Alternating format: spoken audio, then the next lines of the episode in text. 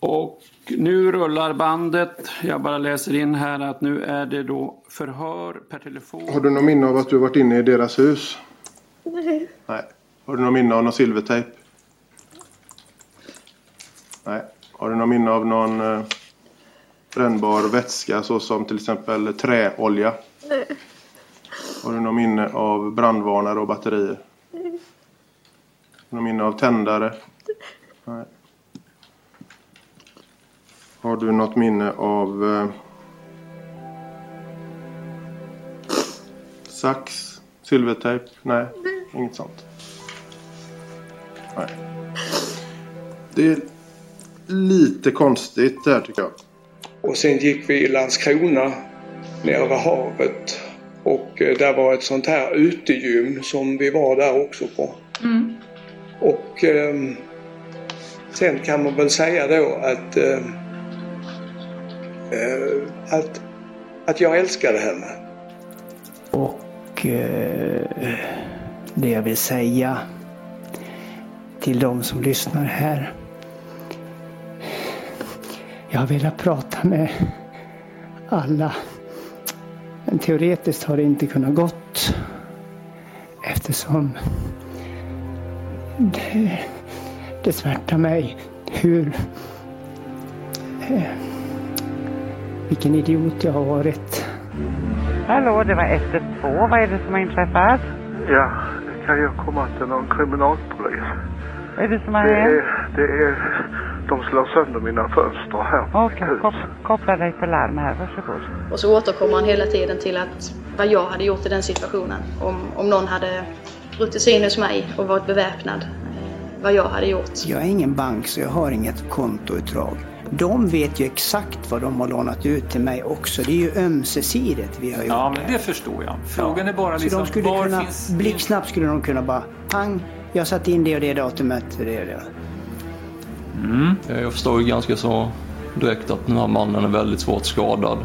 Eh, Så jag går in till honom och min kollega då Andreas skriker ut till Peter att grip honom. Eh, Och sen så försvinner min kollega ut också i trappuppgången. Så jag blir kvar med den skadade mannen. Det jag menar gör att det här bör bedömas så pass allvarligt som jag har gjort det är ju det våld som tar vid när offret eh, är, om man nu ska uttrycka sig i termer av oskadliggjort, när offret är oförmögen att försvara sig själv. Han öppnar och eh, blöder, förmodligen från huvudet och det ska tydligen vara ett jäkla liv. Så polisen måste komma dit också. Jag fixar det. Tack så mycket. Tack, hej.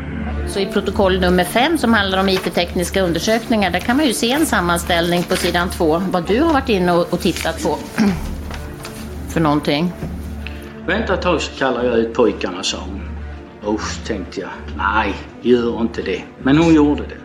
När jag tittade på de här fotografierna i bippen så, så hittade jag egentligen bara något fotografi som täcker delar av golvet i det här utrymmet. Det finns inget som täcker hela. I källarplanen Källa- där ja. Ja. Kan jag ta på mig själv att det är en miss? Tack, inga fler frågor. Det fanns ingen tid.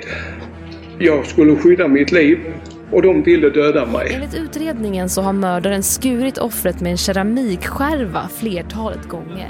tycker det är så overkligt allting att de människor som jag älskar högst på denna planet, de har tagit mest skada. Jag förstår inte. Sparkat på offrets huvud och kropp och slagit offret. De här mera erfarna utnyttjar de här människorna så, som har funktionsnedsättningar.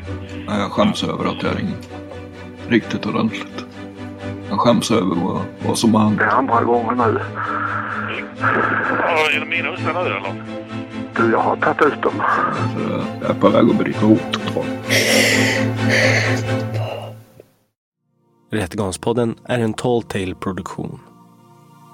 Ansvarig utgivare är Jonas Häger. Och Rättegångspodden görs i samarbete med Lexbase. Ange rabattkoden Rättegångspodden när du blir ny betalande medlem på lexbase.se och få tre kostnadsfria domar.